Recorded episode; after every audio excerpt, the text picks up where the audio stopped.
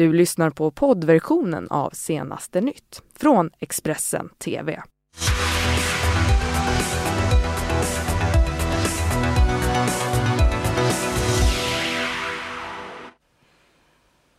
Hej och hjärtligt välkomna tillbaka hit till Expressen TV där det är lördag. Du tittar på Senaste nytt med mig Ylva Johansson och det här det är morgonens rubriker. Anki och Pasi räddade sin dotter från IS. Nu riktar de skarp kritik mot de svenska myndigheterna. Barnen kollapsade. Expressen har granskat energidryckerna som blivit en statussymbol bland unga. Och familjen Rodin leder en av Sveriges två kvarvarande cirkusar. Ja, det är mycket annat ska det handla om här i lördagens senaste nytt. Men vi ska börja i Uppsala i stadsdelen Gränby där det brunnit i en fastighet under gårdagskvällen. Larmet om den här branden eh, kom vid 23-tiden igår kväll. Branden ska ha startat i en bil och sen har spridit sig till en intilliggande fastighet. I området så finns också flera flerfamiljshus men inga personer ska ha tvingats evakuera på grund av den här häftiga branden. Vid halv två-tiden i natt så avslutade räddningstjänsten sin insats efter att branden släckts. Polisen misstänker att den är anlagd och har nu inlett en förundersökning om mordbrand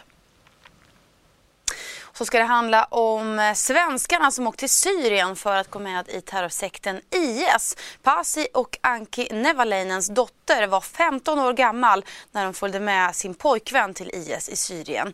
Pasi och Anki de lyckades helt på egen hand rädda och få hem sin dotter från terrorsekten. Och väl hemma i Sverige så fick de besök av terrorutredare från amerikanska federala polisen FBI som ville höra dotterns unika vittnesmål. Expressens Claes Pettersson har träffat Pasi och Anki som är besvikna på hur de svenska myndigheterna hanterade situationen. Helt på egen hand räddar de hem sin 15-åriga dotter från fångenskapen hos terrorsekten IS. Men väl hemma började en ny kamp mot svenska myndigheter. När vi möter Pasi och Anki Nevalainen är de mycket kritiska till kommunens hantering av hela fallet. Ja, jag måste ju säga liksom att jag är otroligt besviken. Att eh, det liksom alla stod handlingsförlamade. Ingen visste vad gör vi? Hur gör vi? Och hur ska vi, hur ska vi agera? Utan eh, allting eh, Allting bara liksom eh, stannade av. Att shit, här har vi liksom en, eh, ett barn som är eh, inte ens fyllda 15 år, som är gravid, som är försvunnen, är i en krigszon, hamnar i Syrien. Ett par desperata föräldrar skriker om hjälp. Helt utan hjälp från svenska myndigheter fick de 2016 hem sin dotter från fångenskapen hos IS genom att anlita människosmugglare. Dottern hade blivit förälskad i en man som radikaliserades och tog med henne till Syrien och IS. Offentliga avrättningar, det är ju sånt som ingår i propagandan där nere för att sätta skräck i folket. Och, och hon var tvungen att stå ja, och titta på. Ja, ja, hon var tvingad att göra det. Alltså alla ska se bara för att du ska veta att eh, det här händer om du beter dig och inte gör som liksom rättar dig i ledet. Utan det, och det kan vara helt oskyldiga människor utan de gör det bara för att göra det, för att visa att det, här som, det är så det funkar. Va? Föräldrarna vill nu i den pågående debatten om IS-återvändare lyfta problem med den svenska hanteringen av personer som varit hos IS. För efter hemkomsten fortsatte problemen. Det fanns inget professionellt stöd för dottern hon sattes ensam med sonen som fötts i fångenskap i ett boende.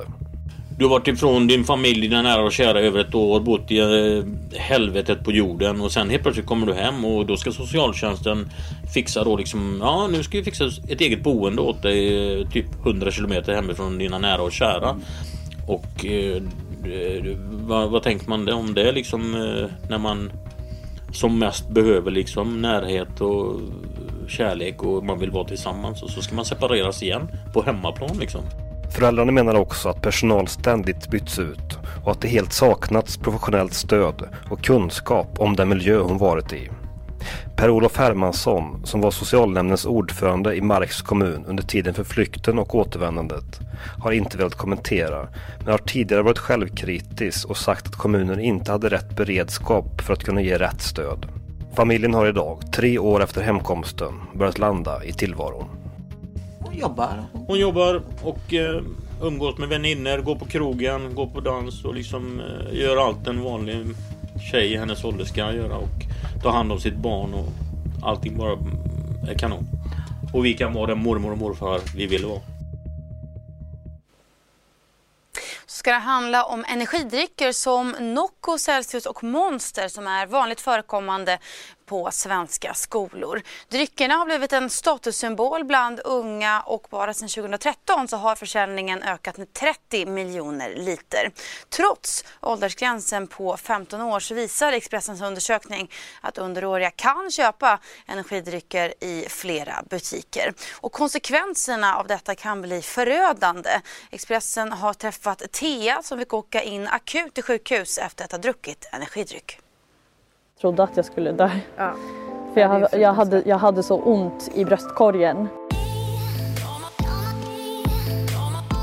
Det är den vanliga Red Bullen. Ja, med socker Ja, och så har jag druckit den.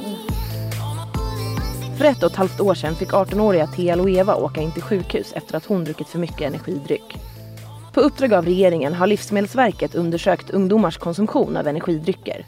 De föreslår nu att en maxhalt för koffein införs för att det som hände Thea inte ska hända fler ungdomar. Hur, vilken tid liksom tog du den första energidrycken? Det var på morgonen, jag tror det var runt kanske åtta, sju, åtta.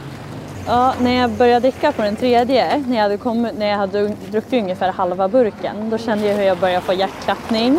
Jag började, alltså jag började få bröstsmärtor och började få jobbigt att andas. Ja. Det känns som att hjärtat skulle hoppa ur kroppen på mig. de sa till mig dagen efter att de trodde att det var koffeinet för de tog en massa tester och blodprover för att de ville ju undersöka om jag hade haft en hjärtinfarkt. Ja, just det. Eh, vilket sen slutade med, jag hade ju ingen hjärtinfarkt utan de, de antog ju sen att det är koffeinet som gjorde det, att jag har fått i mig för mycket utav det. Europeiska myndigheten för livsmedelssäkerhet, EFSA, har räknat ut att en person som väger 60 kilo kan dricka en energidryck Sen har man nått maxgränsen för koffein. Jag heter Fred Nyberg. Jag är professor i biologisk beroendeforskning.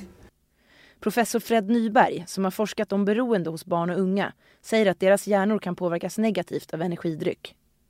Eh, I de här substanserna som finns i energidrycker, koffein, taurin, guarana och socker, har en effekt på hjärnan, till exempel hjärnans belöningssystem. Så när vi då kommer i kontakt med riktiga droger som alkohol och annan narkotika, då svarar vi starkare och har lättare att fastna i ett beroende. Vi lät tre ungdomar under 15 år testa hur lätt det är att köpa energidryck. På fyra av fem ställen lyckades de. Jag köpte en Nocco Carabin. Karneval. Karneval.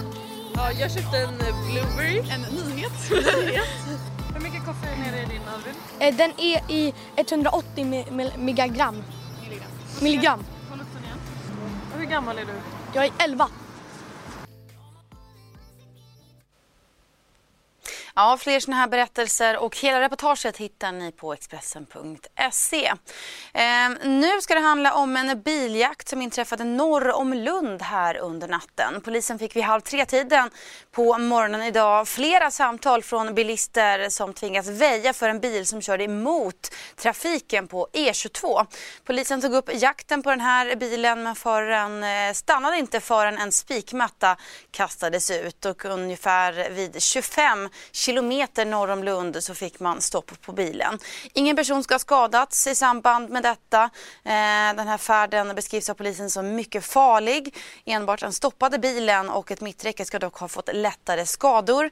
Eh, föraren av bilen omhändertogs sedan av polisen och är nu misstänkt för grov vårdslöshet i trafik, grov rattfylleri, grov olovlig körning och narkotikabrott. Och så ska det handla om cirkusar. Ja, för det är nämligen så att fotografen Åsa Sjöström under en lång tid har följt kvinnorna i familjen Rodin som driver den ena av Sveriges två kvarvarande cirkusar. I dokumentärfilmen Cirkusprinsessan från Söderkulla som har premiär till hösten så berättar hon om en 250-årig konstart som sakta håller på att dö ut. Och en av kvinnorna i familjen, det är 23-åriga Simona som är en av de sista cirkusprinsessorna. Jag är så van vid att ha min egen cirkus och det Jag känner inte att vi är på väg på att dö ut. De möts av kärlek och beundran, men också av förakt. Familjen Rodin driver en av Sveriges två kvarvarande cirkusar. Och kvinnorna i familjen kämpar på, trots djurets aktivister, sviktande publikintresse och höga marknadshyror. Jag, jag, vet inte, jag är inte rädd för att cirkusen inte ska finnas om några år. Det kommer ju alltid finnas.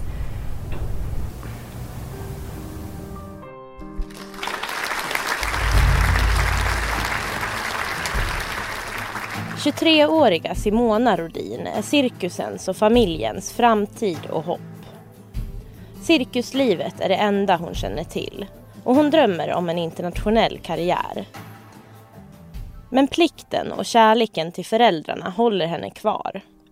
För i cirkusens värld lämnar man inte sin familj. Jag känner inte att vi är på väg på att dö ut. Um det funkar ju tillräckligt bra för oss att kunna fortsätta leva så. Um, detta är mitt liv. Detta är vad jag vill göra. Jag kan inget annat. Jag tycker inte om att tänka så långt in i framtiden. Cirkusdöden är ett faktum. En efter en har de svenska cirkusarna försvunnit under det senaste decenniet. Och nu återstår bara två. Fotografen Åsa Sjöström har under flera år följt kvinnorna i cirkusfamiljen Rodin som fortfarande kämpar för att få vardagen att gå runt och för att få behålla sina djur.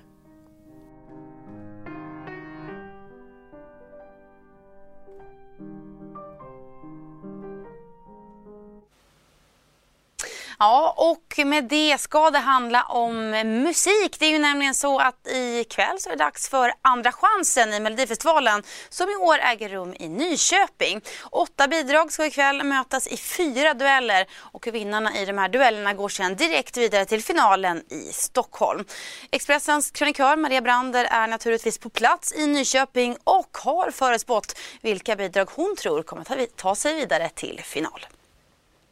Äntligen andra chansen, eller hur Maria? Det här har du sett fram emot. Jajamän, då får man tillbaka sina gamla favoriter. Faktiskt en del, för det, jag tycker att det finns en, en del låtar som eh, redan borde varit i final men som man eh, nu får möta andra chansen och det höjer nivån lite. Mm, du har ju mycket åsikter och allt kan ni läsa om på Expressen.se eller köpa tidningen. Men jag tänker så här, vi säger duellerna. Det är fyra stycken och du berättar vem som du tror går vidare i varje duell. Duell 1. Andreas Jonsson möter Anna Bergendahl och här tror jag på eh, vår egen lilla skogshall, Anna Bergendahl. oh, duell nummer två. Då går vi över till, eh, då ska vi se, då har vi Vlad Reiser som eh, möter Nano och det är ju en lite mer så här ojämn kant kan man tycka men här tror jag också på, på den sistnämnda Nano. Mm, och duell nummer tre? Ja, då har vi eh, Martin Stenmark som eh, möter Lisa Ajax. Två eh, känslosamma låtar och här tror jag också på den senare. Jag börjar ana ett mönster. Lisa Ajax. Enkelt mönster. Ja, blir det Arvingarna då också som möter Rebecca Karlsson i duell nummer fyra? Jo, men tänk att det blir det. men då så. Tänk att det kan vara så enkelt. Ja, underbart. Och allt vad Maria Brander tycker om kvällens eh, Andra chansen det kan ni läsa om här på Expressen.se och se Expressen TV. Men dessutom så kan ni följa mig och Fab Freddy. 19.30 drar vi igång ikväll. Missa inte det. Nu tillbaka från Nyköping till Stockholm. Ja, det här var allt jag hade att bjuda på här i Senaste Nytt just nu. Men mer nyheter hittar ni ju naturligtvis alltid på Expressen.se. Du har lyssnat på poddversionen av Senaste nytt från Expressen TV. Ansvarig utgivare är Thomas Mattsson. Ett poddtips från Podplay. I fallen jag aldrig glömmer djupdyker Hasse Aro i arbetet bakom några av Sveriges mest uppseendeväckande brottsutredningar.